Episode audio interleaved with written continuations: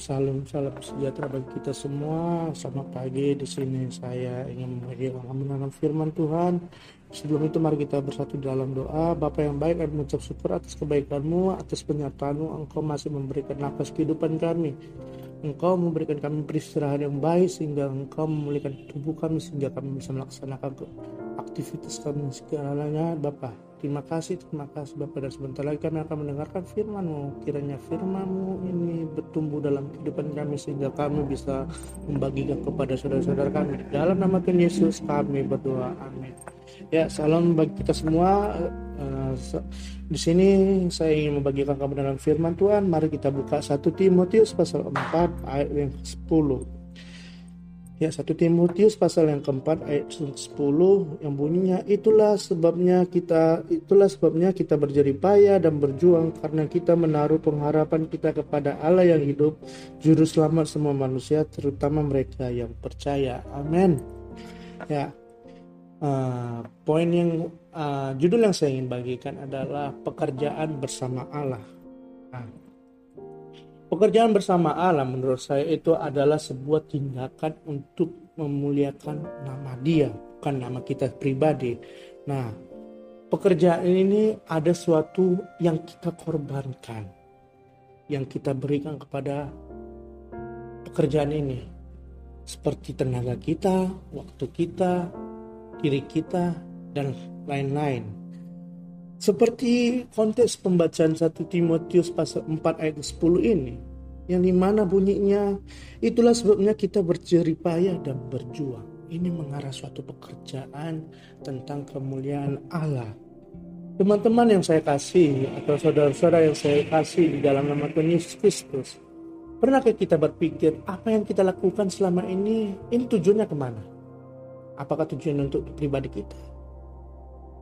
Atau tujuannya untuk memuliakan nama Allah. Nah, sesuai pemejaan ini, ini mengarah pekerjaan memuliakan Allah. Dalam kehidupan saya, saudara-saudara, saya ada di Manokwari, di Papua Barat untuk melakukan kuliah kerja nyata atau disebut KKN. Suatu suatu masalah yang saya hadapi itu di mana saya mengalami suatu penyakit sehingga saya rasa ketakutan yang luar biasa.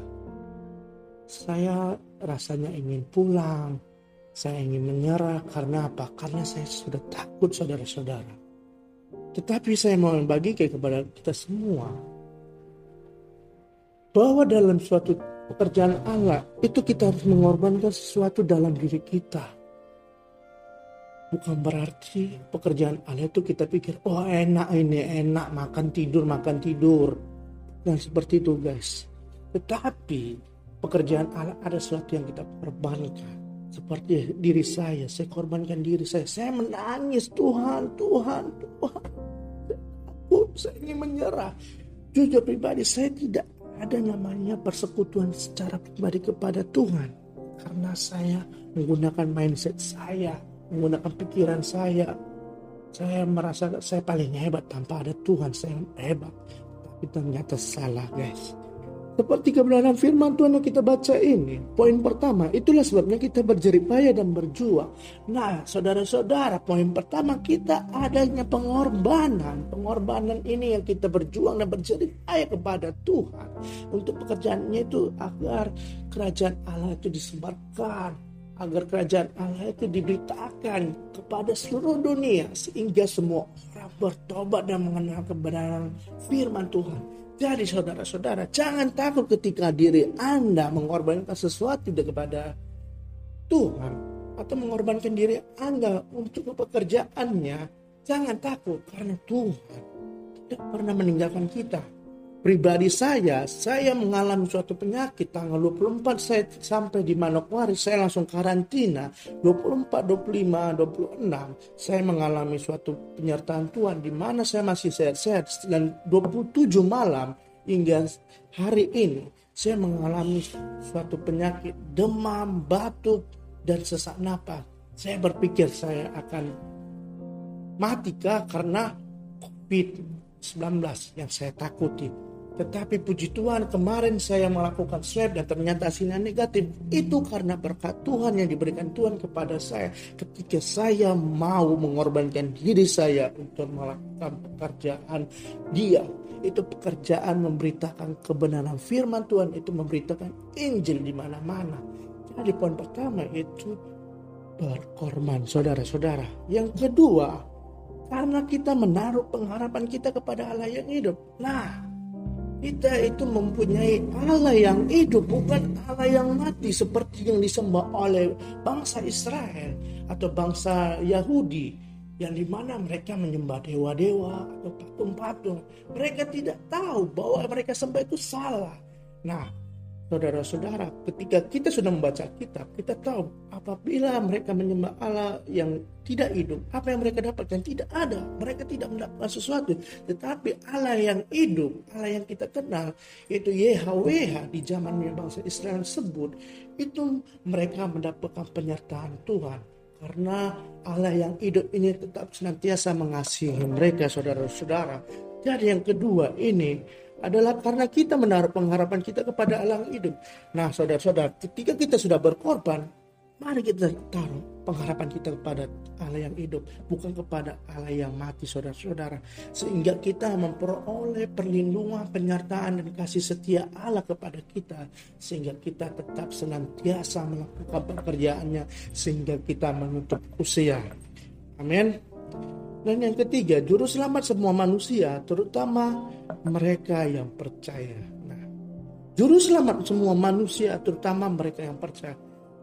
Paham ini guys, juru selamat semua manusia, juru selamat semua manusia. Ini mengarah universal, yang di mana penyelamat bagi semua manusia, di mana semua agama Tuhan Yesus itu adalah selamat bagi semua manusia.